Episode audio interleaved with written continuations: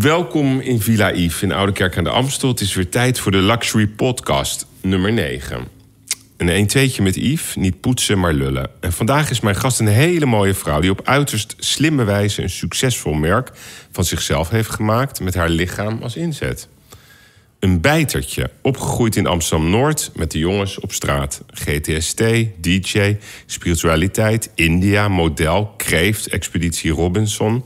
Een sticker kan je niet echt op haar plakken. Een echte allrounder met een buitengewoon verleidelijke blik. Een carrière-tijger.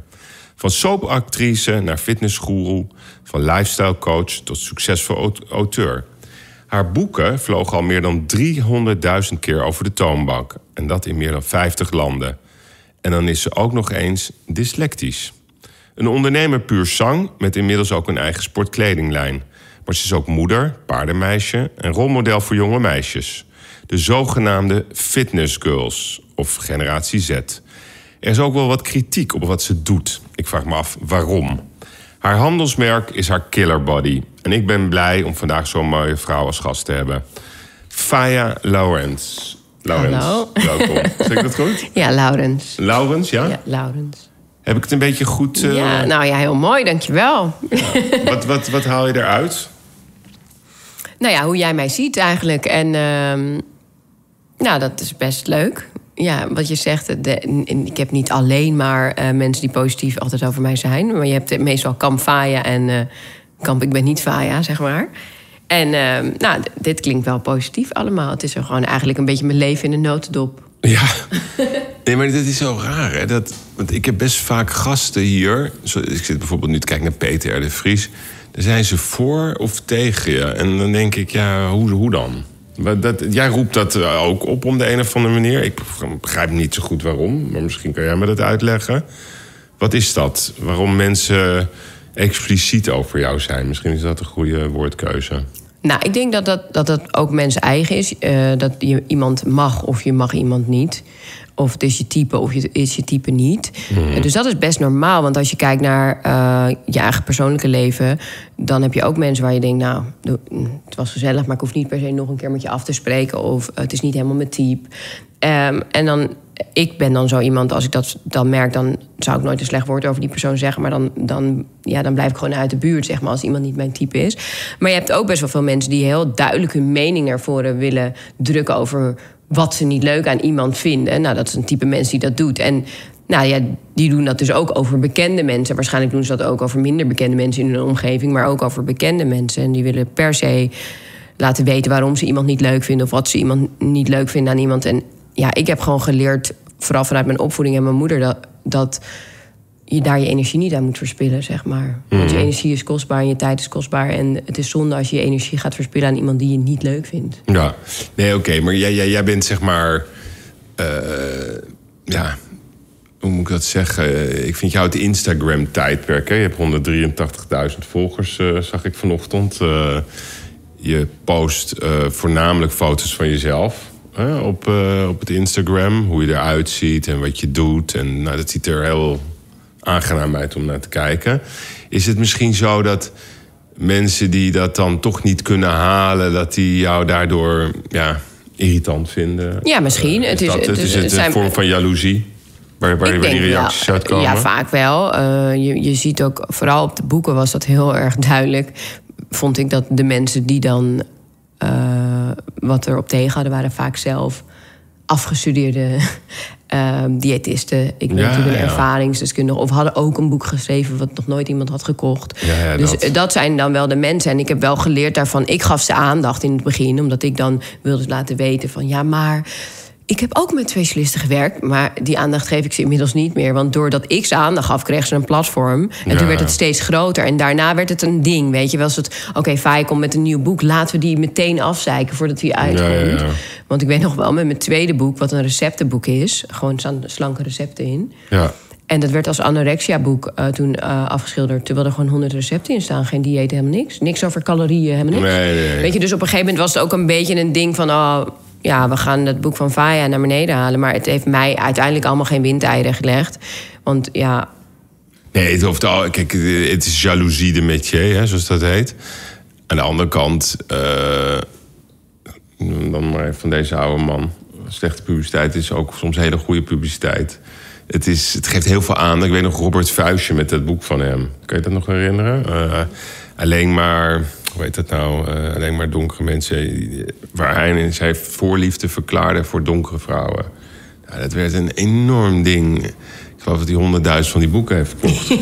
en ik denk heel eerlijk, als, dit, als dat niet zo'n schandaal was geworden... dan waren er niet meer dan 5000 boeken verkocht. Ja. Dus het is maar hoe je ermee omgaat. Dus ja, als je daar echt... Wat mij eigenlijk interesseert, raakt het je echt niet. Nee. Dat vind ik knap. Nee, uh, nee. Nee. Er zijn in, in mijn carrière wel een paar dingen die me echt hebben geraakt. Zoals? Maar, uh, nou, dat zijn dan dingen waar je zelf mee zit eigenlijk, die je diep van binnen wel ook voelt, zeg maar zo. Waar je je schuldig misschien over voelt. En als iemand dan op die snaar drukt, of hoe noem je dat, die knop drukt, dan voel je hem wel. Maar in principe is dat, uh, werkende moeder ben ik, alleenstaand. En uh, je voelt je altijd als moeder schuldig dat je aan het werk bent. Ja, ja, dat ken ik. Altijd. En uh, ook al doe je het ook voor je kinderen. Maar dat is dan die knop, zeg maar. Ja, dus als, dan, als ik dan op een reisje ben waar zij niet bij zijn, ja, kinderen, en iemand zegt: Ben je weer zonder je kinderen op vakantie? Weet je wel. Ja, precies. Ja, ik ja, dan voel ik hem wel. Weet je wel. Nu, nu ook niet meer, weet je wel. Want ik heb wel ook geleerd me niet schuldig te voelen. Ja. Uh, het is gewoon niet makkelijk. En helemaal toen ik begon, was ik uh, 21 en kwam uit een sociale dienstuitkering. Woonde in Amsterdam West en ging goede tijden, slechte tijden spelen. En ja, mijn kind moest in één keer, mijn babytje, die, waar ik gewoon twee jaar gewoon dag en nacht mee was, moest ineens naar een crash en een opvangmoeder, omdat de crash nog niet zo vroeg open ging. En ja, dat, dat, in die tijd heb ik me wel heel vaak heel schuldig gevoeld. Maar ja, uiteindelijk, ja, je moet ook een soort van overleven. Ja, je moet ook gewoon leven. Je moet ja. ook gewoon brood op de plank, ja, ja natuurlijk. Nee, wat zo raar is, waarom vrouwen dat wel naar hun hoofd geslingerd krijgen en mannen niet? Ja, dat is. Zoals gisteren zat ik te kijken naar de uitreiking van de beste voetballer van het jaar, de FIFA Awards. En de beste voetbalvrouw van het jaar. En de winnares was Megan Rapinoe. Ik weet niet of je die kent. Nee. Dat is dan de, de ster uh, van de Amerikanen. Uh, ze heeft een voorkeur voor vrouwen. Ze heeft altijd een andere kleur haar. Uh, ze is nogal uitgesproken tegen, tegen Trump.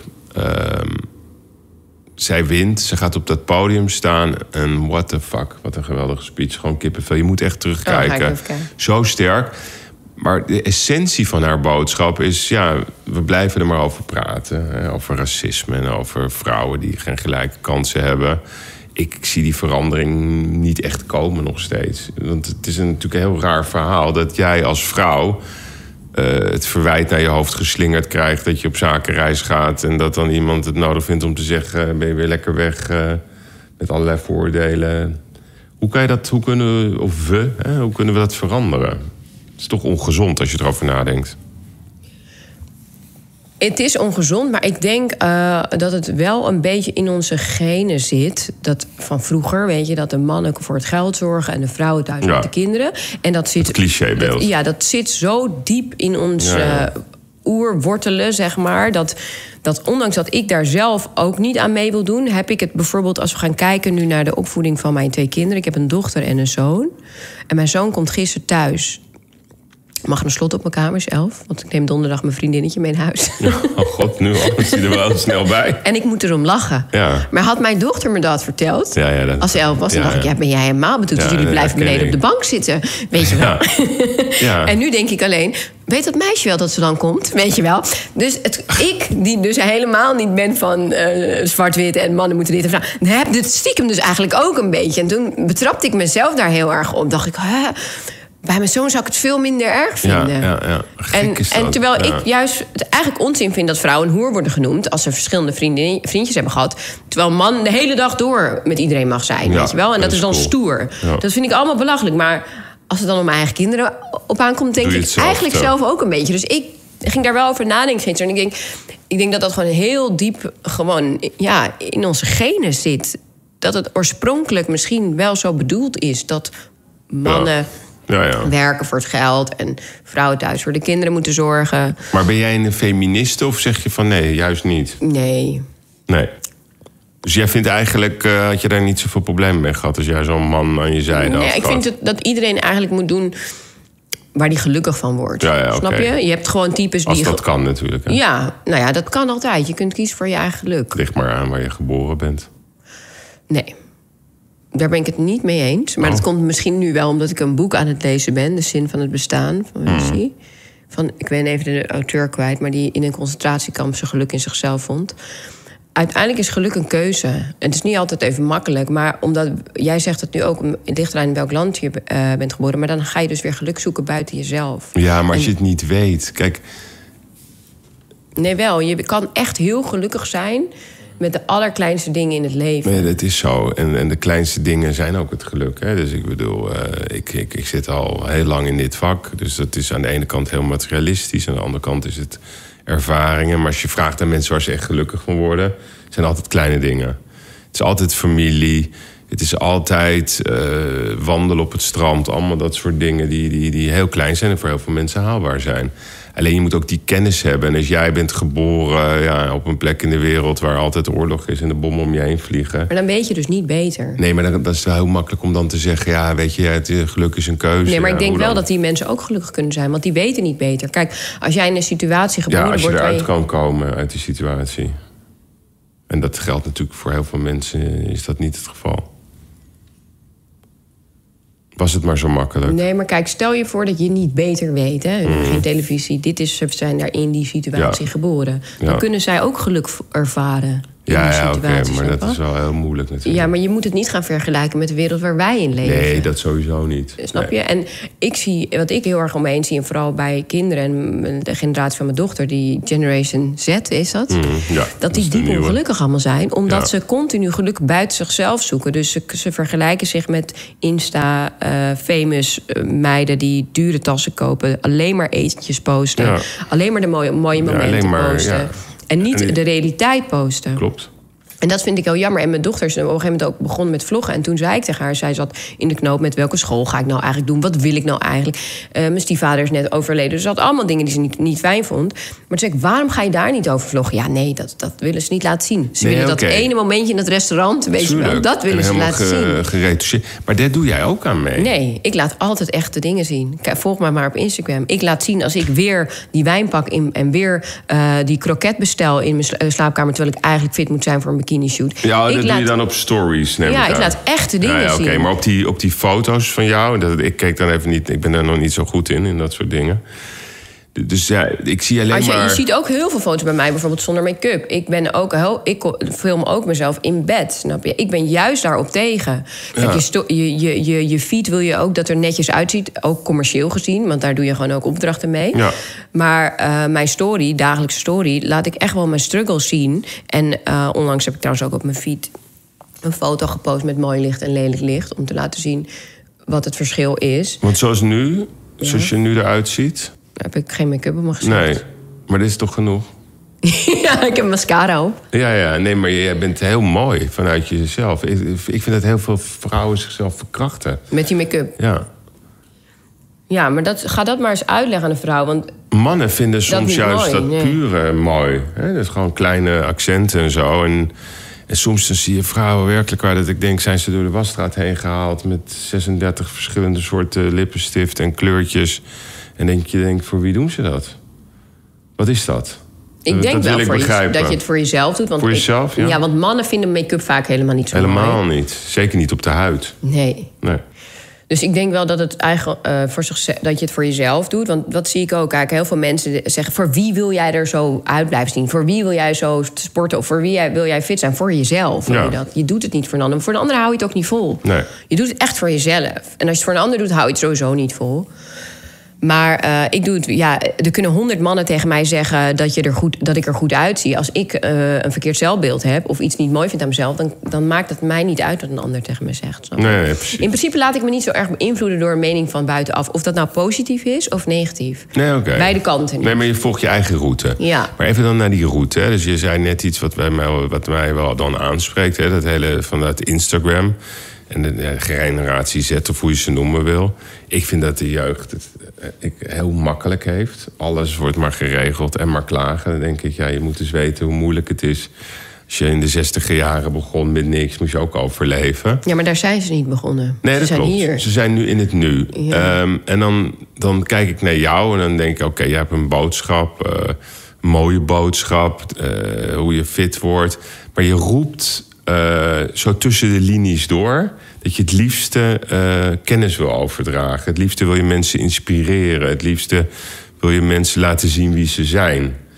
Dan denk ik, ja, dat wil ik dan wel van jou lezen op Instagram. Eh, echt het verhaal van, ja, weet je, Instagram is eigenlijk één grote valkuil. Eén grote Maar ik schrijf, ik schrijf daar wel over hoor. Ik schrijf daarover in mijn blog. Maar dat is ook misschien ingewikkeld, want dan ga je je eigen marketingmachine. Nee, nee, nee. Want kijk, eh, dat, dat is ook laatst in mijn laatste boek, de Cellulite Guide, heb ik dat heel duidelijk uitgelegd, dit verhaal.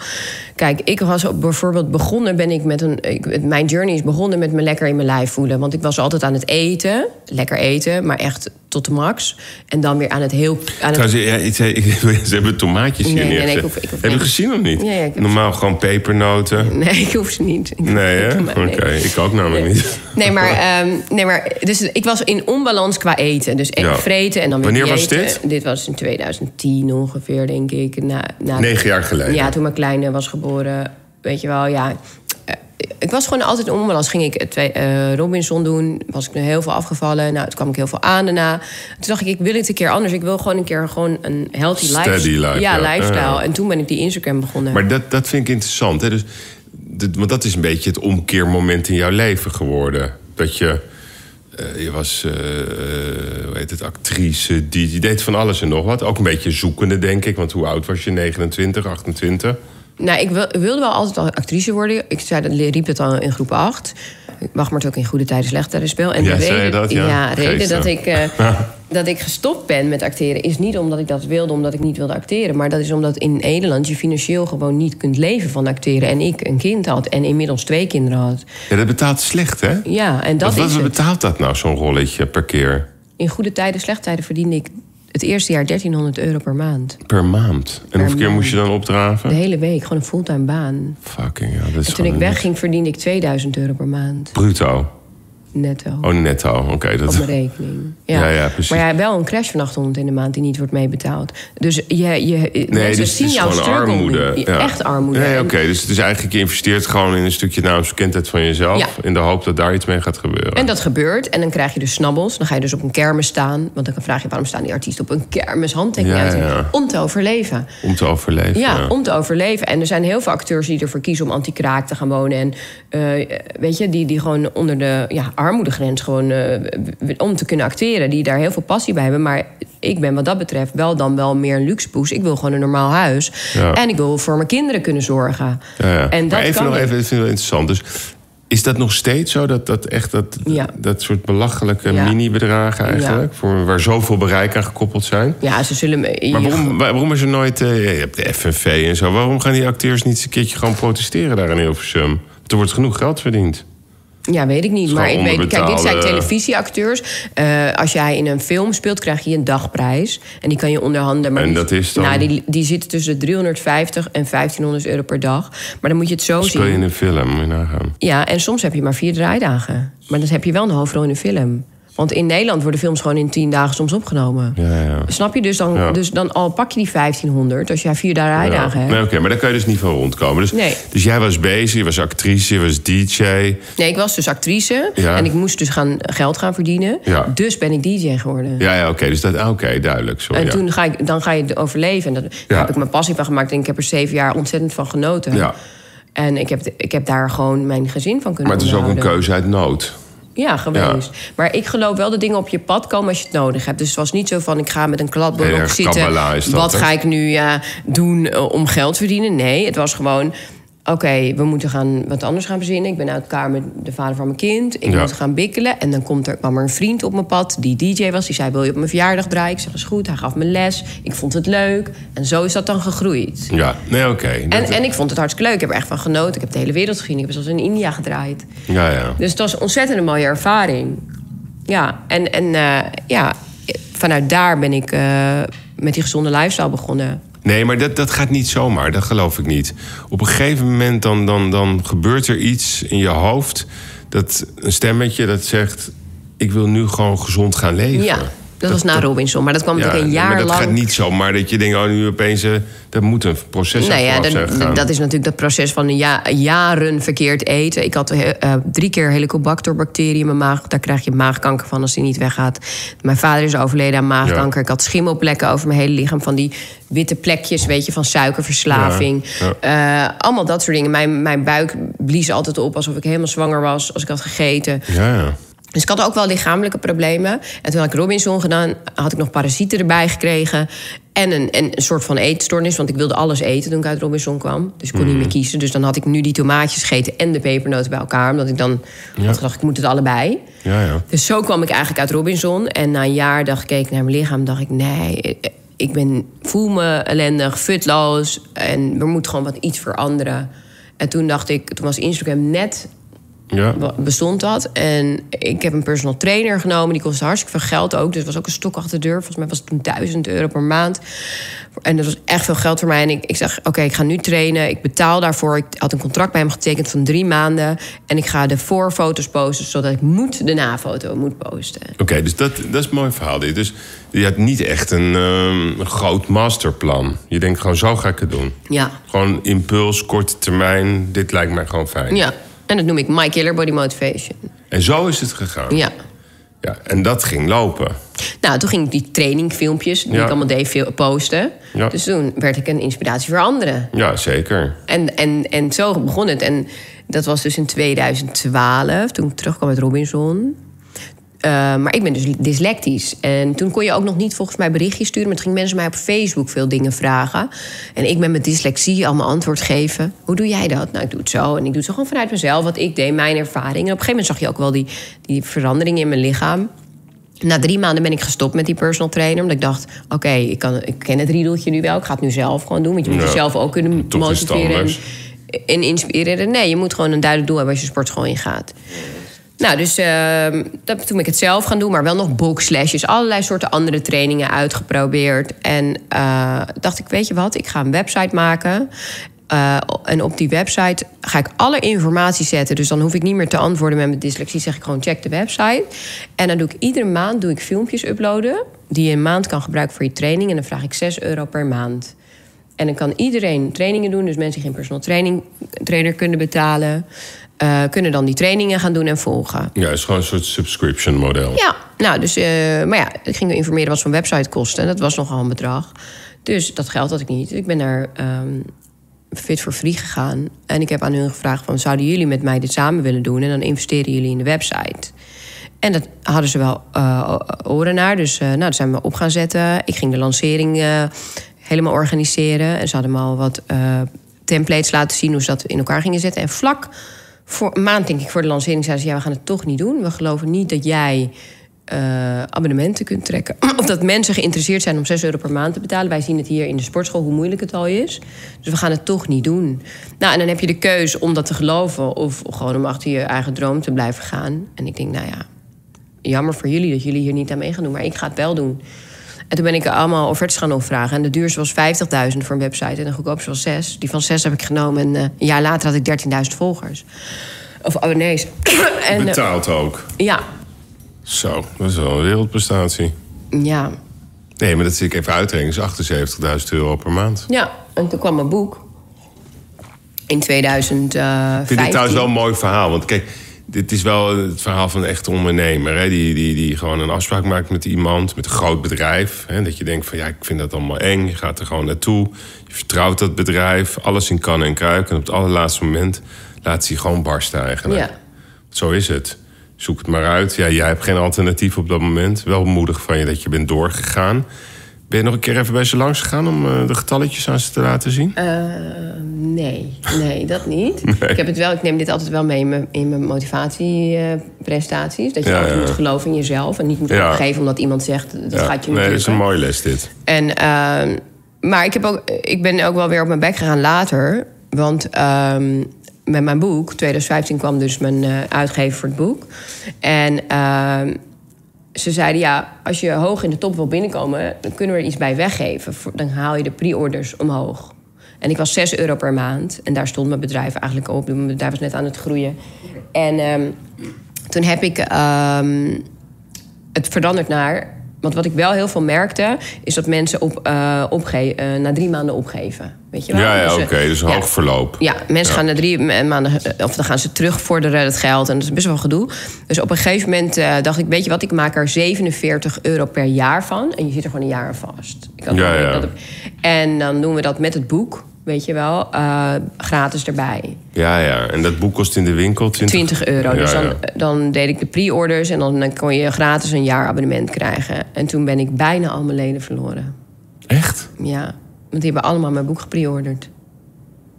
En een gratis abonnement genomen. Dus dat is wel heel veel lesgeld gehad. En dat leg ik ook altijd aan mijn uitgever uit. Want zij hebben heel veel geld natuurlijk verdiend. Ik heb ook veel geld. Ja, ja. Dus je had een businessmodel dat je gewoon per maand kon opzeggen. Ja. Ja, ja. Niet slim. Nee. Nee. Toen kwam je ook nog eens met het idee... oké, je mag nu lid worden voor een jaar. En dan krijg je het boek Ja. erbij. Ja, dan ben ik wel op nummer 1 natuurlijk binnengekomen in de bestsellerlijst. Ik heb 15.000 boeken in de pre-sale verkocht. Ja, dat begrijp ik. Maar niet slim. Nee, niet. Nou ja, Als je het uitrekent, het- ja. Uiteindelijk omdat. Qua waarom- bereik wel slim. Nou ja, weet je wat het is? boek. Daar groter ben ik Ja. erdoor geworden, meer namen. En uiteindelijk heeft dat nu wel meer dingen teweeg gebracht. Alleen, ik had verwacht dat met mijn boek er ook nieuwe mensen zouden abonneren. Ja, ja, ja, op zo'n maar manier. uiteindelijk, een uit, wat een uitgever doet, ze teren op jouw eh, Tuurlijk. eh, volgers en bereik. Dus, en zij doen eigenlijk buiten jouw bereik niet veel. Nee, precies. Dus er komen niet heel veel Klopt. nieuwe mensen bij. Het is jouw bereik Ja. wat dat boek gewoon koopt. En Bol heeft nog nooit zoiets meegemaakt. En nu snap ik dat ook. Ja. Dat ik deed één post en ik had nog geen eigen webshop. En ik Ja. 500 boeken. Ja, nee. Eh, gewoon, en, en ja, ja, dus dat heeft, het heeft me heel veel abonnementen gekost. En ik Hmm. heb afgelopen jaar, ehm, nu een paar jaar later, ben ik met de abonnementvorm gestopt. Ik had ook een app. Ja, ja. En heb ik het omgezet in gratis video's. Ja, ja, ja. Als je het boek koopt online. Ehm, Nee, je kan gewoon nu gewoon mijn, mijn video's gewoon zo gratis zien. en, en wat is dan je verdienmodel? Wat je erachter dat hebt? hangen? verdienmodel heb ik dus niet meer. Ah, oké. Dus het is puur, jij zegt, je deelt je kennis hoe je moet trainen. Ja. En Ja. dan promoot je jezelf eigenlijk als merk. Ja. Nou ja, je, haal- je trekt daarmee mensen naar de website. En, de en dan gaan ze naar de website, dan gaan ze weer naar de webshop. En in de webshop kopen Ja, oké. Want als je kijkt naar de BV VAIA dan, hè. Dus dat is gewoon een proces geweest. Nou, ik vind het best wel herkenbaar wat je allemaal vertelt. Het is wel een verhaal van een startende ondernemer. Die komt allerlei dingen tegen in het begin. Die is alleen maar hoop, ziet alleen maar kansen. Af en toe komt ze een beetje ondeugende types tegen. Zoals die jongens van Fit for Free. En nu heb je een model bedacht dat Faya is dan de top of the brand, hè, het merk. En daaronder hangt dan de boekenlijn, waar je gewoon geld mee kan verdienen. Eh, ik zag ook dat jij in repen doet. Ja. Zijn Nou ja, kijk. op de markt? Nee, ze zijn nog niet op de markt. Doe je dan een licentie met zo'n Nee, bedrijf? is van mij helemaal. Ja, ja. Maar neem jij het risico dan ook? Ja, ik ben gewoon naar de bank gegaan. Ja? Ja, dat kan, dat kan best groot worden. ja als dat, dat wordt het allergrootste wat ik Ja. tot nu toe heb gedaan. Ja. Nee, ik heb een nieuw BV gestart, de MKBM Protein. En daarmee ga ik zeg maar on- gezonde eh, on- on-the-go eh, voeding eh Ja, beleveren. en dat is ook permanent. Als dat werkt, Ja. dan gebruiken mensen dat iedere dag. En dan heb je ook, eh, zeg maar, eh, hoe heet het? Je had nog iets. Je kleding had je. Met, ja, eh, sportkledinglijn. Ja. En bikinis was wel een licentie met sap. Ja, oh, met Daar ben sap, ik nu mee gestopt. Oké. Dat ga ik nu zelf doen. Oké. Volgend jaar komt mijn eigen bikini-lijn. en heb ik een kledinglijn. En eh, dan heb ik ook nog een samenwerking met Kruidvat. Dus eh, Ja. die brengen dan twee keer per jaar die kledinglijn met korting ook. En, en mag ik zo vrij zijn om jou te vragen wat, wat je omzet per jaar ongeveer? Kan ze nog gewoon een koophandel opvragen hoor. Ja, eh, dat ligt er een beetje aan welk bedrijf je het hebt. Ja, nou we komen er wel achter hoor. Vind je dat moeilijk? Nee, nou ja, nee, nee. Nee, ik vind het niet moeilijk, maar het is, ja, het is gewoon... Het heel persoonlijk, Ja, hè? het is gewoon persoonlijk, toch? Ja, ja, ja. Ja. Nou, zullen we het houden op een miljoen omzet? Ja. Dat klopt toch wel? Ja. En hou je ook onder de streep voldoende over? Want dat is het belangrijkste. Nou ja, alles gaat bij mij in mijn bedrijf. Ja. Dus dat is wel een beetje een dingetje. En ik heb het totdat moeilijk, nou, ik het zo ik nu naar de bank ben gaan. Ik ben nu voor het eerst naar de bank gaan voor geld. Ik heb nog nooit geld geleend. Alles wat ik heb gedaan, ik heb ook heel veel dingen mi- zijn misgegaan. Ik heb in Ja. dingen geïnvesteerd die, die er niet uithaalden wat erin had moeten zitten. Weet je wel. Dus ik heb heel veel eh, beginnersfoutjes gemaakt en zo. Maar ik denk dat ik er nu wel klaar voor ben om, om MKBM Protein tot een heel mooi groot bedrijf te maken. Maar ik ben dus. ik heb eerst met de investeerders gezeten. Toen dacht ik, ik ga het echt zelf doen. Ik wil het ook niet doen met investeerders. En dat vind ik wel moeilijk. Uh, maar ik heb, doordat ik naar de bank ben gaan... en dus ik heb nog helemaal niks. Ik heb alleen geïnteresseerden. Een Jumbo, een, een uh, hoe heet het, uh, Defensie... en al die mensen die mijn repen willen, willen gaan inkopen. Die hebben... Fit for free. ja, Fit for free ook. heb ik mee gezeten. Zij is inmiddels verkocht, maar... Ja, die moeten het kopen. die zijn het verplicht. Ja, die zijn moreel verplicht. Nee, maar dus um, ben ik naar de bank gegaan. En voor de bank had ik een liquiditeitsbegroting nodig. Mm. Een hele mikmak. Had ik allemaal nog nooit gemaakt. Maar ben ik wel gaan maken. En dat is mhm. voor mij wel... heeft een heel mooi... was een heel mooi leerproces en inzichten gegeven. Ik heb een worst case scenario plan gemaakt. Dus eigenlijk kan er niks meer misgaan. En als ik dan zie de, de animo en, de, en de, de vraag in de markt... iedereen wil mijn reep hebben. Ja. Eh, ik ben eigenlijk in principe overal binnen al. Ja? ja? Goed van je. Ja. Nee, ik, ik, als je het mij gewoon vraagt, dan zeg ik... ja, daar zie ik dan uh, het meeste hel in. In die, in die chocoladerepen en, of, of uh, proteïnerepen. En wat je dan ook nog gaat zien, is als dat werkt... dan gaan ze ook je kleding leuk vinden. Zo werkt het. Maar die, die, die reep, ja, dat is iets wat je elke keer nodig hebt. Je ziet het nu al hè, in die sportscholen. Dan krijg je een bepaalde proteïnereep aangeboden... van een of ander merk uit Amerika. Dat je denkt, ja, wat moet ik ermee? Daar ligt wel een enorme kans. Nou ja, de, de, proteïnerepen zijn de uh, snelst groeiende markt binnen Europa op dit moment in de proteïne-industrie. Uh, Alleen uh, Nederland gaat daar nog niet helemaal in mee. Wij lopen ontzettend achter. Mhm. Als je gaat kijken naar België, dan zie je tien repen bij de benzinepomp liggen. En hier hebben we er één liggen. Ja, ja oké. En dus- wat is de reden daarvan? Ja, ik weet niet waarom, maar wij lopen ontzettend achter. En ik merk het ook wel. Het is nog niet gedemocratiseerd. Om ja, en ze zeggen, dan krijg ik ook wel wat terug. Ja, maar waarom is dat dan? Dat is niet voor niks. Ja, ik ben de eerste die het echt zo aanpakt. Maar ik denk dat ik ook gewoon heel erg op tijd ben. Maar ik, ik merk wel dat ze heel graag met mij in gesprek gaan en het ook wel willen proberen. Maar wel omdat ik het ben. Maar dat ze soms ja, ja.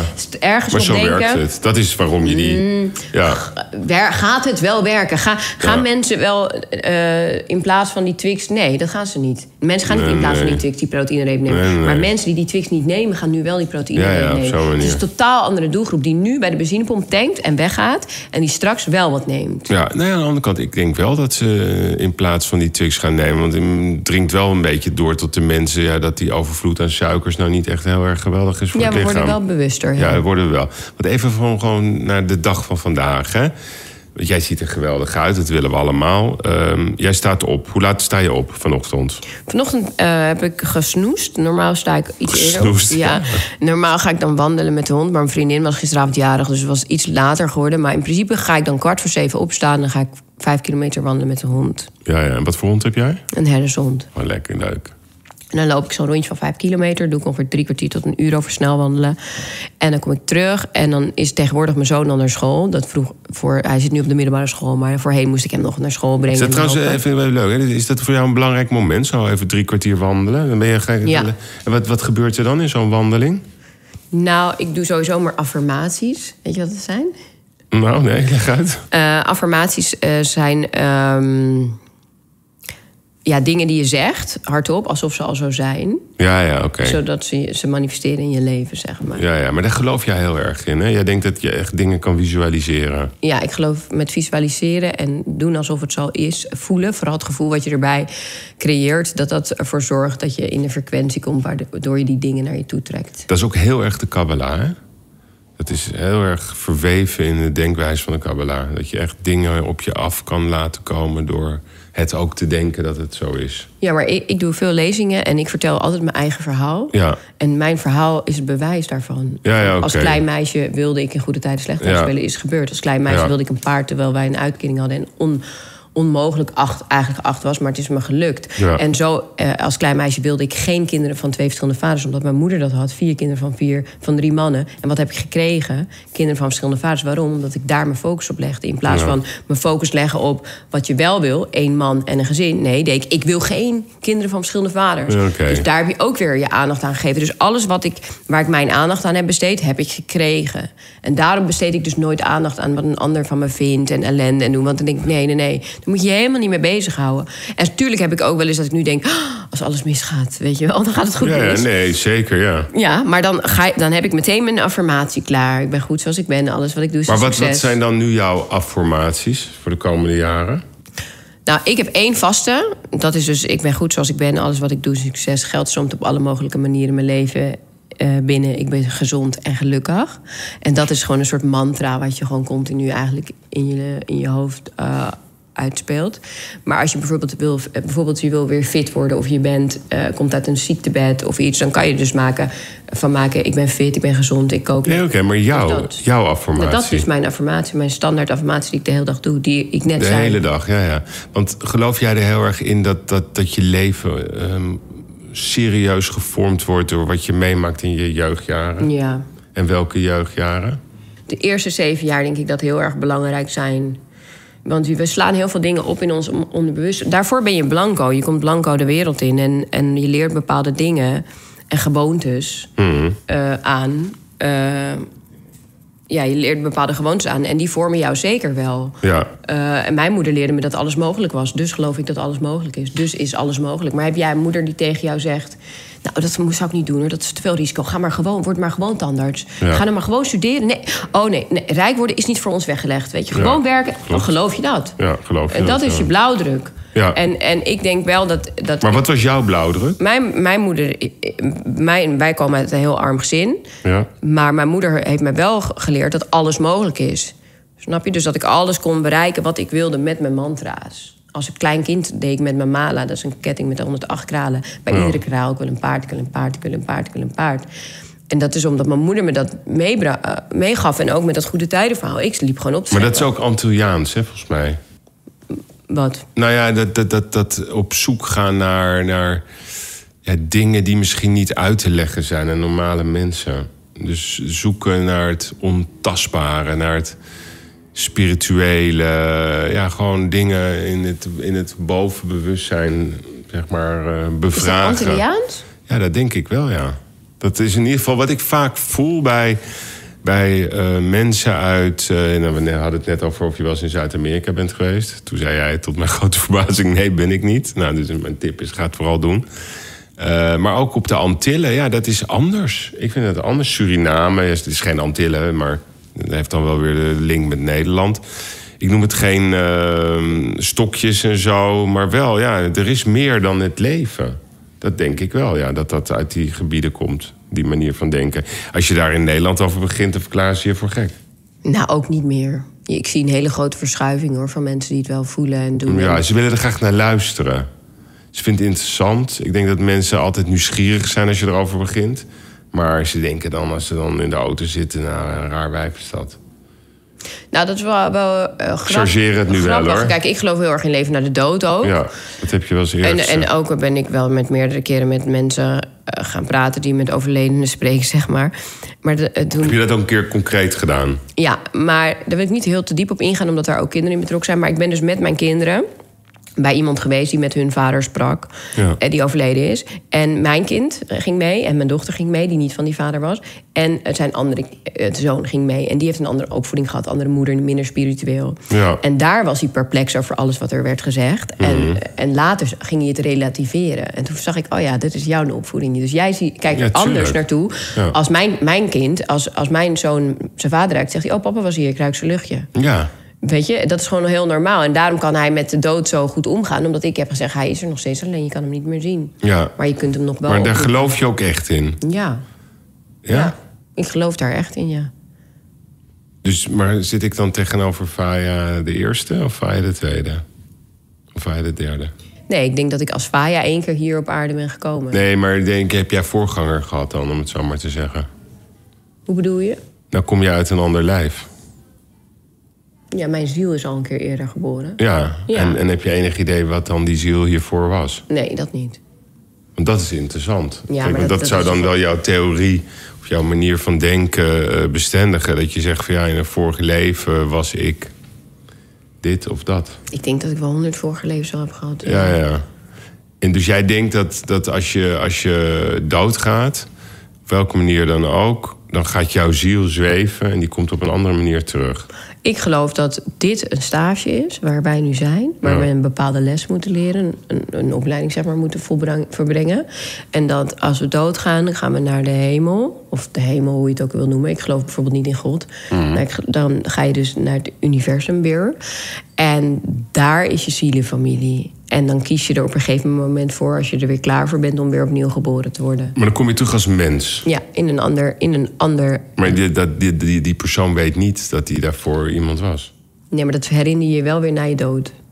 Pas dan. Ja. Dan komt het moment. Dus het- de dood is eigenlijk heel leuk.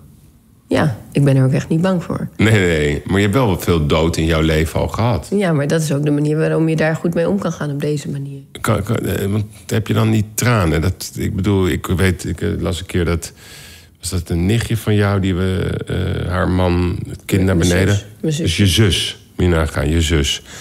Dus haar man gooit hun kind van een balkon naar beneden. Ja, mijn neefje, ja. Ja, nou, jij houdt van je neefje. Mhm. Had je niet toen ontzettend veel verdriet? Tuurlijk heb je dan heel veel verdriet. Maar juist omdat je zo spiritueel bent en zo spiritueel bent opgevoed en daarin gelooft, kun je dat een beter plekje geven. Of is het een verdedigingsmechanisme? Nee, nee, nee. Ik geloof gewoon dat, dat eh, hij nog steeds bij ons is. En dat er bepaalde redenen zijn waarom dit is gebeurd. Mhm. Heftig. Knap als je dat zou kunnen. Ik, ik, ik, ik kan het me, ja, heel eerlijk, ik ga graag met je mee. Maar ik kan me dat gewoon niet voorstellen dat eh, dat, dat ook echt zo is. Dus ik. ehm, Maar dat weten we natuurlijk ook nooit zeker. Hè? Je, kan het, je weet het pas zeker als je dood bent. En je, en je weet zelf, oh ja, dit is, ik ben mijn ziel. En eh, dit Ja, is ja. mijn leven en dit was mijn les. En ik, Ja. ja, je, je kan het nu ook niet 100% zeker weten. Maar ik heb gewoon heel veel boeken daarover gelezen. En ik heb gewoon eh, gevoelens bij bepaalde dingen gehad. Eh, en ik ben met mensen gaan, gaan, gaan praten waarvan ik dacht, ja... eh, Heb je dat programma nooit gezien, Het Zesde Zintuig? ja.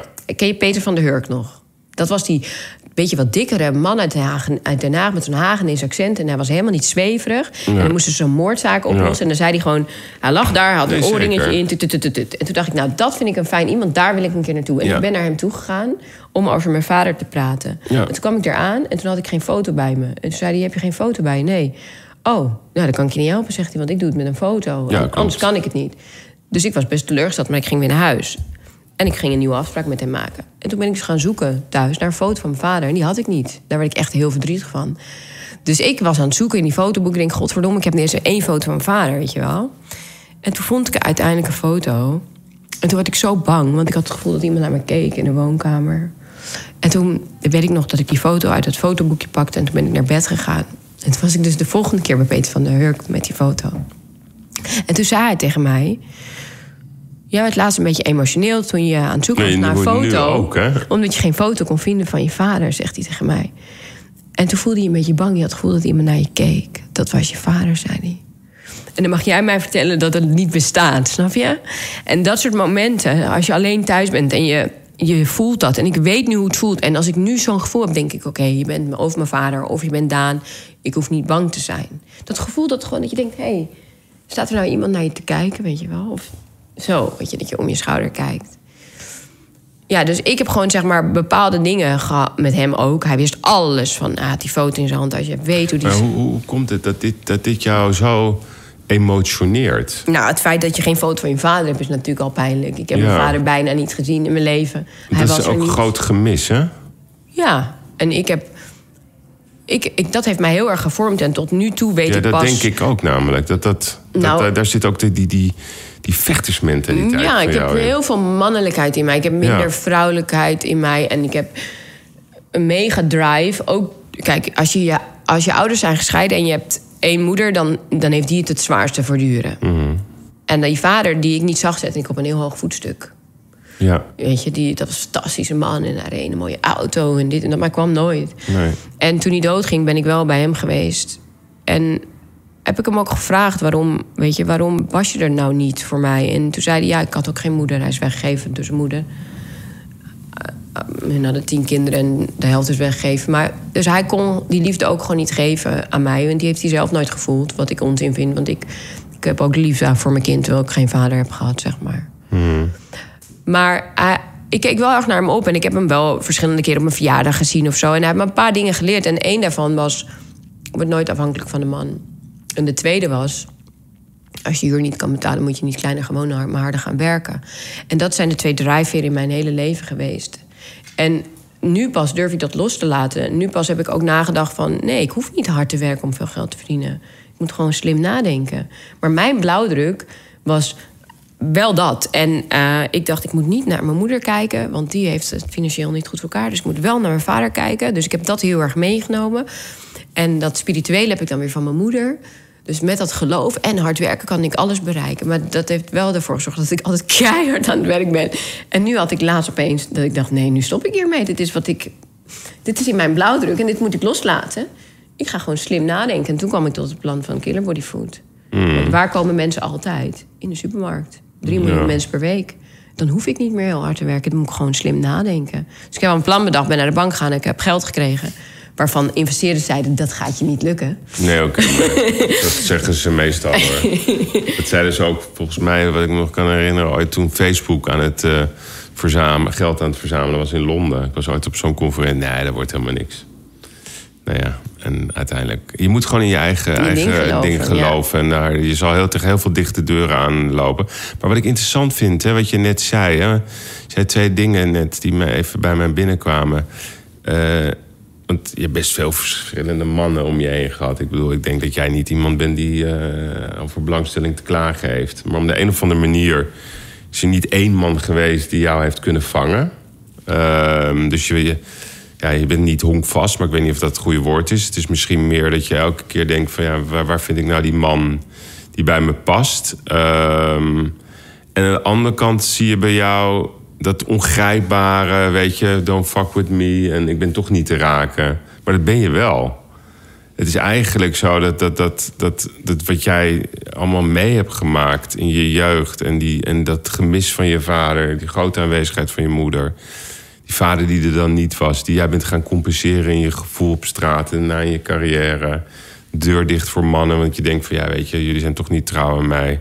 Dat heeft je volgens mij wel een beetje gemaakt die, je- tot wie je vandaag de dag bent.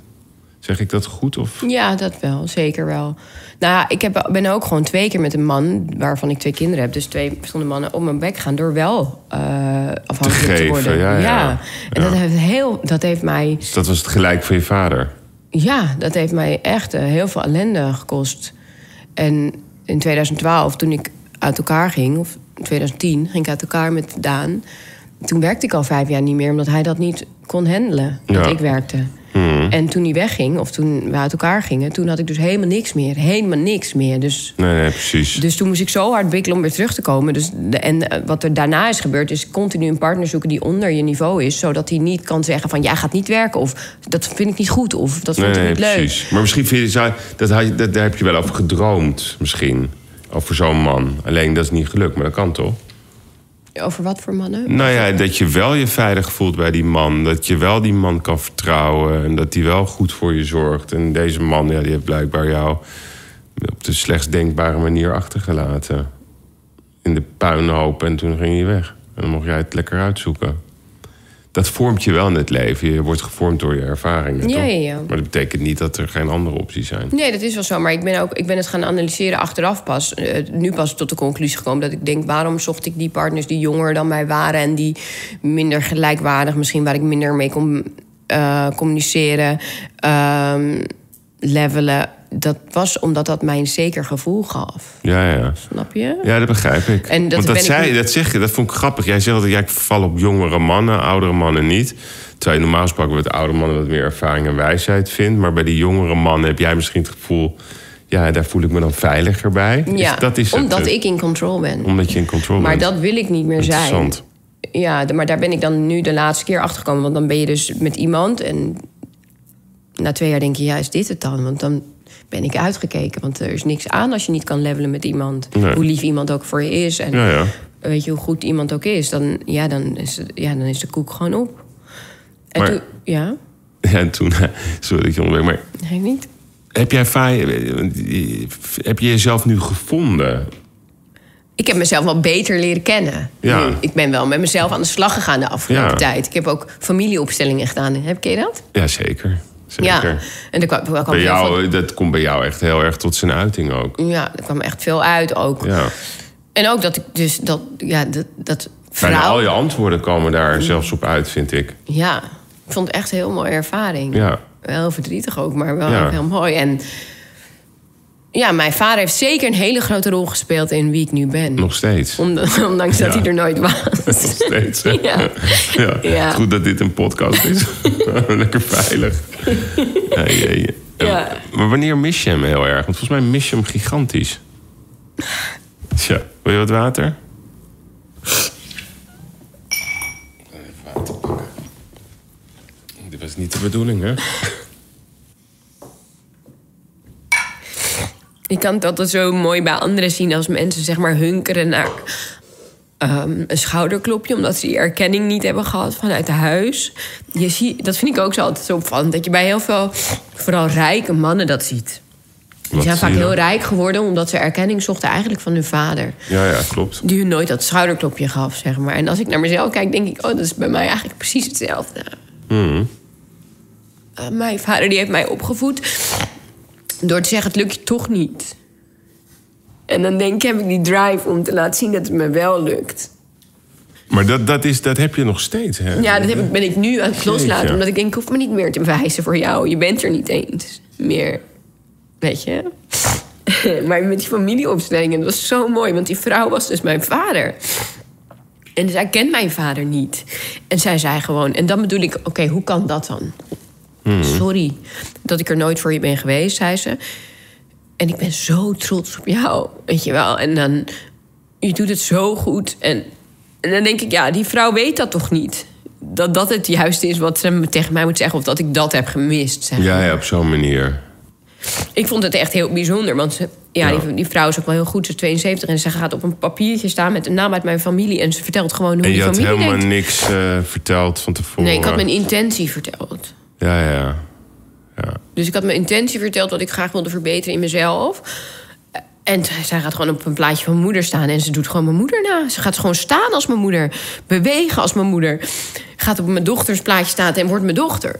Jezus. Ja, en dat- dat je echt denkt, wow. Dat, ja, en ik heb een vriendin mee die heel nuchter is, zoals jou. Die heb ik meegenomen.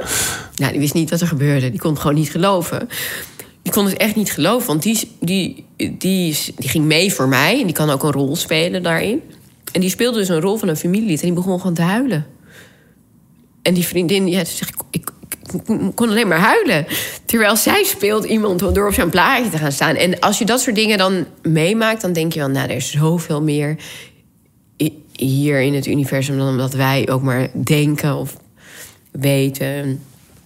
Ja, zij zegt, ik zou ook laten, hoe voelde je? Ze zegt, ik voelde me helemaal haar en ik was zo verdrietig, zo verdrietig en ik kon alleen maar huilen. Ja, wauw. Ja, het was voor mij wel heel bijzonder. En ik, ik, heb, ik denk wel dat er heel veel is veranderd na die, na, die, na die sessie daar met die familieopstellingen in mij. En het is voor mij allemaal duidelijker waarom ik ben wie ik ben. En mijn vriendin, die vrouw, zei toen ook: Jij mist echt vrouwelijkheid. Dus je, Ja. vrouw, je vrouwelijkheid, je bent een man, je bent een overlever. Je denkt: Ik moet voor mijn gezin zorgen. Maar je, je moet ook je durven laten gaan en Maar- vrouw durven zijn. Ja, maar dat is omdat je dat gewend bent. Hè? Dus, dus, kijk, ik ken jou niet, hè? En dan, dan, dan probeer je... Ik hou niet van voordelen, laat ik dat even heel duidelijk stellen. Maar dan ga je wel nadenken. Weet je wat het eerste gevoel is wat ik bij jou had? Dat jij ehm, altijd in de vechtstand staat. Van kom maar op. Ja, dat had ik ook. Dat, ja, dat, heb ik heel Ja, lang heel gehad. erg van, nou ja, kom maar. Ja. Weet je, ik... eh, En ik had, kreeg er energie van als iemand tegen mij zei: Het lukt je toch ja, niet. lukt maar je dat niet. kwam dus Ja, vanuit Omdat mijn je jeugd. dat gewend bent. Ja, en mijn vader heeft dat gedaan en daardoor, en daardoor heb ik ook mijn successen behaald. Ja, Want hij heeft mij gedreven daarin. Dus ik dacht, oké, jij denkt dat het me niet lukt? Wacht maar, ik ga je laten zien hoe het lukt. Toen ik begon met draaien, gingen mensen me uitlachen. En ik had drie maanden later 30 boekingen per maand. Ik stond wel overal half de wereld. Ik heb zomertours gedaan en alles. Zie je wel dat het me lukt? Ik heb een soort van drive als mensen zeggen dat het me niet lukt. Door mijn vader, die zei vroeger... Britney Spears, die heeft talent, maar jij niet. Ja. Dat zei hij tegen mij. Dat soort dingen gaat je toch niet lukken, Wat actrice. van hem. Ja, weet je wel. En daardoor heb ik gewoon, eh, denk ik, dat ontwikkeld dat ik, dat ik het eigenlijk bijna lekker vond als iemand zei: Het lukt je toch? Toch Ja, ja. Ja. Want dan wist ik, nou, nou lukt het me niet. Ik doe het zeker, ja. Nu lukt het me zeker, weet je wel. Met alles. Mijn boekhouder zei dat huis moet je niet kopen, is veel te hoog gegrepen. Ik denk, jij bent boekhouder, jij snapt er helemaal Zeiden niks ze het ook over dat je niet met de bank in zee moest gaan? Ja. Oh, gelukkig. Dat is goed dan. ja. Ja, nee, maar dat is meestal gedoe met banken. Maar dat hebben ze ook gezegd niet doen. Nou, die investeerders hebben dat gezegd. Oh, die Die investeerders. zeiden, ja, één had met een investeerder gezeten. Die zei, ik denk niet dat jij geld hiervoor krijgt bij de bank. Ik weet, Oh, niet, ik zo'n weet niet of mensen klaar zijn voor proteïnerepen, weet je wel. Ja, ja, oké. Nou, dat denk ik wel hoor. Ja, de Rabobank ik ben ik blij er binnen. ook Die zijn gelikt heel uit, blij. moet ik zeggen. ja. ja. Hey, maar dit is wel interessant. ehm, ehm, want wat ik me afvraag, hè, want ik hoor iets dat je eigenlijk heel graag die vrouwelijkheid wil laten zien. Dat is wat ik hoor. Voelen ook gewoon. Ja. Vrouw willen zijn. Ja, echt vrouw willen zijn, ja. Is dat, want aan de ene kant heeft, heeft het, die hele houding voor jou je ongelooflijk veel gebracht. Misschien is dat, ik denk ook, hè, want ik zit ook na te denken. Hoe komt het dat mensen zoveel mening over je hebben? Volgens mij ben je een ontzettend trouwe iemand ook. Een goede vriend om te hebben, denk ik. Ehm, en dan die vindt dit en dat. Nou, aan de andere kant is dat vaak ook een beetje jaloezie. Ehm, maar je hebt ook continu dat muurtje voor je. Hè? Door, door, door wat je allemaal hebt meegemaakt. Ben je dat aan het afbreken, dat muurtje? Jawel. Ja. Ja, ja. ja. Eh, eh, Is dat ook je valkuil? Want het kan je valkuil worden, hè? Omdat je juist die, die aanvalstand is ook jouw kracht. Ja, maar het is, ik hoef niet meer te struggelen. Kijk, in mijn onderbewuste of mijn bewuste ook wel zit steeds die struggle, dat overleven. Maar dat hoeft niet meer. Ik heb het gewoon nu goed voor elkaar. Ik Mhm. kan gewoon gaan genieten. En niet dat ik achteruit moet gaan zitten, maar ik hoef niet meer dat gevecht continu aan. Ja. En ik hoef me niet meer te bewijzen. En als jij niet in mijn reep klapt, dan niet. Dan ga ik naar de volgende, snap je? Dus Ja. dat ben ik nu wel vooral in mijn bewust, met mijn bewustzijn. Daarom zeg ik ook in mijn affirmatie: ik ben goed zoals ik ben. Ja. Ik hoef niemand niks meer te bewijzen. Weet je wel? Ik, ik zie nu waar het vandaan komt. Dat heeft me heel ver gebracht. Maar het is niet relaxed dat je altijd in je achterhoofd hebt... dat als het misgaat, kom je er wel weer uit. Want ik heb dus altijd... Want dan zie je ook in je patroon... dat er elke keer, elke vijf, zes jaar iets misgaat. En dan kom je wel weer uit. Je struggelt weer, weer omhoog. Maar ik wil niet meer dat het misgaat. Het gaat nu gewoon goed. Het is gewoon goed nu. Ja. En ik hoef niet meer te overleven of ergens uit te klimmen. We hebben, ik heb me genoeg bewezen dat ik dat kan. Ja. En dat, dat, het, dat het lukt, altijd lukt. Het is oké, weet je wel. Ja, nee, ja. ja, maar ja, grappig. Het is grappig. Aan wie dan, denk ik ook, ja. Ja, nou, ik denk dat het dus echt is... vanuit, vanuit daarom zeg je, je wordt echt gevormd die eerste paar jaar... door Ja. je ouders en wat ze tegen je zeggen. En dan zeg, het is zo belangrijk dat je nadenkt wat je over wat je tegen je kind zegt. En dat vind ik heel erg moeilijk. Want ik ben hoe oud zijn jouw kinderen nu? Eh, 19 en 11. Ja, die van elf, dat is die ondeugende... die Ja. al met eh, vriendinnetjes de deur dichtgooit. Maar die is, ja, super helder voelend bijvoorbeeld hij. Ja, ja. Ja. Ja. Als ik nadenk over iets waar ik mee zit, krijg ik een knuffel van hem. Ja, Als, ja. als ik zeg maar op de bank. Is heel sensitief Heel persoon. erg. Hij voelt me meteen aan. Hij voelt eigenlijk alles aan. Mooi. En hij zegt het ook, wat hij vindt. Hij weet sit- situaties helemaal perfect En- analyseren. En, en, en wat zeggen zij over hun moeder, denk je? Hoe denk je, denk je dat zij jou zien? Nou, ik denk dat mijn dochter wel heel trots op mij is. Maar, eh, maar de, de verhouding met mijn dochter is moeilijker dan de verhouding met mijn zoon. Dat hoor je wel vaker, maar het, het botst een beetje. Dus ik denk En ook de leeftijd waarin zij... Ja, kijk, zij is gewoon heel anders dan mij. Zij ziet bij mij die drive, die enorme drive... en voelt dat ze dat zelf helemaal niet heeft. En dat maakt haar onzeker. Dat maakt haar onzeker, want ze gaat zich vergelijken met mij. Ja, klopt. En daar wordt ze onzeker van. Ja. En dat hoeft niet, want je hoeft niet zo te zijn als ik. Nee. Maar ik ben wel zo iemand van... Zij is ook die generatie die alles wilt. En Ja. als je iets wilt, moet je er wel wat voor doen. ja. Weet je? En En zij worden natuurlijk vaak aangesproken. Je moeder dit, je moeder zus. Is niet makkelijk. Nee, is niet makkelijk, nee. Dus ze gaat, wil ook blijkbaar iets heel anders doen dan jij doet. Ja, nu blijkt dus van niet. Het jarenlang wel. Uiteindelijk wil ze dat En uiteindelijk doen. blijkt Ja, dus nee, nu dat klopt. heeft ze auditie gedaan ook voor iets voor bij Ja. RTL-programma. Is ze ook geworden. Ja, Dan denk ik, oké, dus je wilt het wel.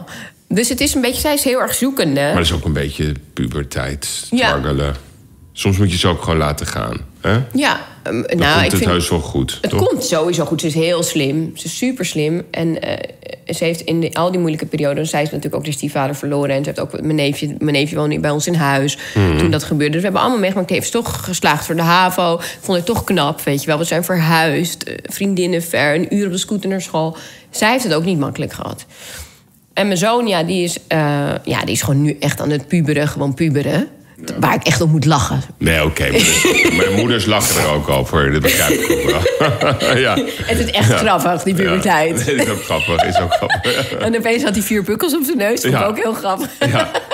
Ja. En wij kregen toen tetracycline, wat achteraf eh, een grote ellende bleek te zijn. Om die pukkels te bestrijden. Ja, dat is onzin natuurlijk allemaal. Ja, nee, maar ja, vroeger kreeg je dat. Ja. En dat begreep zo'n gif te zijn, wat je botten aantastte. Nou ja. Hey, jeetje, de tijd is voorbij gevlogen. Maar ja, en, eh, ik zou toch nog even een gesprek zonder jou over... Hoe ziet nou de ideale fitnessweek eruit? Ik wil van jou even wat tips hebben. Want ik wil ook gewoon gezond leven. Maar toch beweging- laten, bewegen. Nee, beweging is even- echt heel belangrijk. Ja, en wat houdt dat in? Nou ja, dus elke dag wandelen bijvoorbeeld. Als je geen sporter bent, Ja. ga gewoon wandelen. Ja. Of fietsen. Pak de fiets naar je werk. Ik weet niet hoe ver je van je werk zit. Maar... Het is te doen. Nou, dus de fiets pakken, eh, wandelen is heel belangrijk. Ehm, en misschien even wat ademhalingsoefeningen, meditatie in de ochtend. is ook niet verkeerd voor je bloedsomloop ook niet. En om je hoofd even leeg te maken. Maar vooral veel water drinken. Ja, het is cliché, maar dat is wel echt zo. En balans, hè. Ik heb gisteren ook weer wijntjes gedronken. Is niet erg. Maar niet iedere dag. Volgende Mhm. dag gewoon niet. En is er nog verschil tussen rood of wit? Nee. Nee? Nee, kijk, ik weet het allemaal niet. Het- verandert ook steeds. Dan zeggen ze weer dat rood goed voor je bloedsomloop is... maar weer slecht voor borstkanker. Heb ik ook weer gelezen, weet je wel. Dus ja, ik weet het ook allemaal En hoeveel keer per dag eten? Want ze zeggen, eh, op die sportschool zeggen ze dat je moet heel veel eten. Nou ja, weet je, dat is ook een beetje onzin. Ieder mens is namelijk anders. Je hebt mensen die ontbijten nooit. Ja, ja. En die zijn heel vaak wat dikker. En die laat je ontbijten. Dan gaat hun stofwisseling sneller aan de gang. En die gaan afvallen. Maar je hebt ook mensen die eten de hele dag door. En als je die juist weer in een raam van acht uur laat eten... gaan ze weer afvallen. Nee, oké, maar proberen toch een soort, soort, soort A4'tje te bedenken. Nee, maar dat is per persoon dus Ja, ja, verschillend. Dus Dus, als jij ontbijt jij... Ik ontbijt een beetje. Als ik op vakantie ben in het buitenland, een royaal, dan heb ik alle tijd ervoor. En nu 's ochtends het liefste iets met ei erin. Of ja, als ik echt haast heb, dan zijn het toastjes met kaas. Oh ja, nou, ik hoor het al. Dat is allemaal niet goed. Nee, maar wil je afvallen? Nou, nee, ik ben nu wel bezig. eh, dus ik zat even naar oefeningen te kijken die jij deed. En denk ik, hé, die doe ik ook. Met die bal bijvoorbeeld, omhoog maar en omlaag. kijk, dat soort en, eh, dingen. En, en de Ik voel kaas. me wel fitter de worden. kaas laten staan. Ja, nee, de kaas laten. Gewoon kipfilet dan nemen. Maar de, gewoon, wat, wat, laat ik het zo zeggen. Wat moet ik echt niet doen? Wat zeg je van, doe dat niet? Suikers gewoon niet. Maar gewoon echt niet. Nee. Suikers zijn gewoon gif. Ja, Ja? ja. Dus suikers achterwege laten. Ja, en dan kun je wel gewoon... Dat is bijna voor iedereen, toch? Ja, suikers achterwege laten en lekker gewoon fruit eten. Eh, Fruitsuikers zijn Ja. prima. Ja. En eh, af en toe een wijntje. Kijk, een wijntje is eigenlijk ook suikers, hè. En een Ja. rijst en ook. En pasta. En wat, wat zeg je? Zo gewoon ontbijt, eh, lunch, avondeten? Ja, en twee. vroeg avondeten, zeggen ze meestal. Ja, en dan doe je nog een lekker gewoon twee keer tussendoor een eh, fruit, een stuk fruit. En dan in de avond kan je nog wel een mager kwarkje of zo nemen. Het Oh, nou, als je iets anders... Wat, eh, studentenhaver. nou, nog erger. Wat vind je lekker dan? Wat, wat gezond ja, is? ja, nee, ik hou van lekker eten, joh. Dat is de ellende. Maar, Maar als je een- dat een lekker eet... biefstuk... Ga jij iedere dag uit eten? Nee, helemaal niet. Ik kook graag, hoor. Zeker. Biefstuk is niet zo erg. Nee, maar het is die jus die je erbij Maar het is de jus en al die dingetjes. En de Ja. gebakken aardappeltjes en de mayonaise erbij. Gewoon een biefstuk Mm, we gaan er nog meer focus met rijst. Biefstuk met rijst. Rijst, is, is, mag dat wel? Ja, ik eet drie keer per dag rijst. Oké. Faya, we, ja, we zijn er. Wil jij nog ergens op terugkomen? Het was eh, een buitengewoon bijzonder gesprek, moet ik zeggen. Eh, nee. Nee, ik hoef niet ergens op, per se op terug te komen, nee. Nee. Ik ben wel benieuwd... eh, geloof jij in het hiernamaals? Ehm, Of denk je dat dood dood is? ja, dat denk ik, ja. Ik geloof wel dat er heel veel is. Eh, en ook heel veel energie. Dus eh, ik, ik heb daar ook wel een sensitief gevoel voor, om het zo maar te zeggen. Ik heb heel veel kamertjes bezocht. Degene die me het meest heeft geïnspireerd is een mevrouw in Den Haag. Die zei wel dingen ik denk van, hé, hey, eh, hoe weet je dat? Ik kan me ook herinneren dat ik was een keertje bij Uri Geller in Londen, in zijn huis. Toen dacht ik, hij is een goochelaar. Maar goed, toen vertelde hij me dat hij voor de FBI werkte. En toen ging ik in eerste instantie met hem... eh, toen wou hij met mij mind transferring doen. Dus ik moest iets tekenen. En, en wat ik dan tekende, dat ging hij natekenen. Dus ik ging helemaal met mijn hele lichaam op die tekening liggen. En echt zo met de pen eronder de meest onmogelijke tekening maken... die jij maar kan bedenken. Handen erop. En hij maakt hem na. En hij maakte hem na. En toen zat ik hem echt aan te kijken. Ik zei, nou kom op, dit, kan jij, dit is onmogelijk. En hij maakte hem na. Dus ik zeg, wat de fuck, hoe doe jij dit? En toen zei hij, het is echt gewoon mind transferring. Hij zegt, als je daar zo ongelooflijk in gaat zitten... in die ziel van die ander, dan lukt je dat. En toen gebeurde het volgende. toen eh, zegt hij, ja, wat- met wie heb je afgesproken? Zeg, hoezo? Want we waren met een, groep van kantoor. Ik zeg, ja, ja, er is iets mee. Ik zeg, nou, geen idee. Dus ik bellen. En we hadden afgesproken bij Selfridges. Daar zou ik naartoe gaan. En zij belde mij op. Of nee, sorry, ik zeg het fout. Bij Harrods. Maar dat was dicht of zo op die dag. Was iets aan de hand. Ze zei, ja, het is dicht. We moeten afspreken bij Selfridges. Dus ik denk, what the fuck, hoe weet hij dit? En toen gebeurde iets heel raars. Toen zei ik tegen hem van, kan je me even naar het eh, perron brengen? Want ik moest met het, eh, weer met de trein terug naar Londen. Naar het centrum van Londen. En we staan daar aan het loket. En er waren iets van elf loketten. En ik zeg, ja, loop even met me mee. En hij zei, ja, is goed. Nee, loop met me mee. En, ik, en hij loopt met me mee. En ik loop zo opeens zo blind naar het meest rechtse loket. En er zit een vrouw achter dat loket... die hij 30 jaar niet had gezien. Uit zijn legertijd in Israël. Toen denk ik, ja, dit is een rare film dit. ik word er een beetje nerveus van. Dus ja, is er iets? Ja, er zijn dingen. En heb ik er interesse in? Ja. Eh, Is er leven na de dood? Ik vrees van niet. Ik hoop van wel. Ja? Ja, ik zou Ah, het mooi vinden. Ik zou het mooi vinden, ja. Zullen we iets afspreken dan?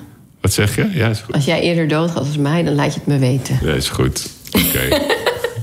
Doen we. Dankjewel. Ik je aan, hè? Is goed. Is goed. Dankjewel voor je tijd.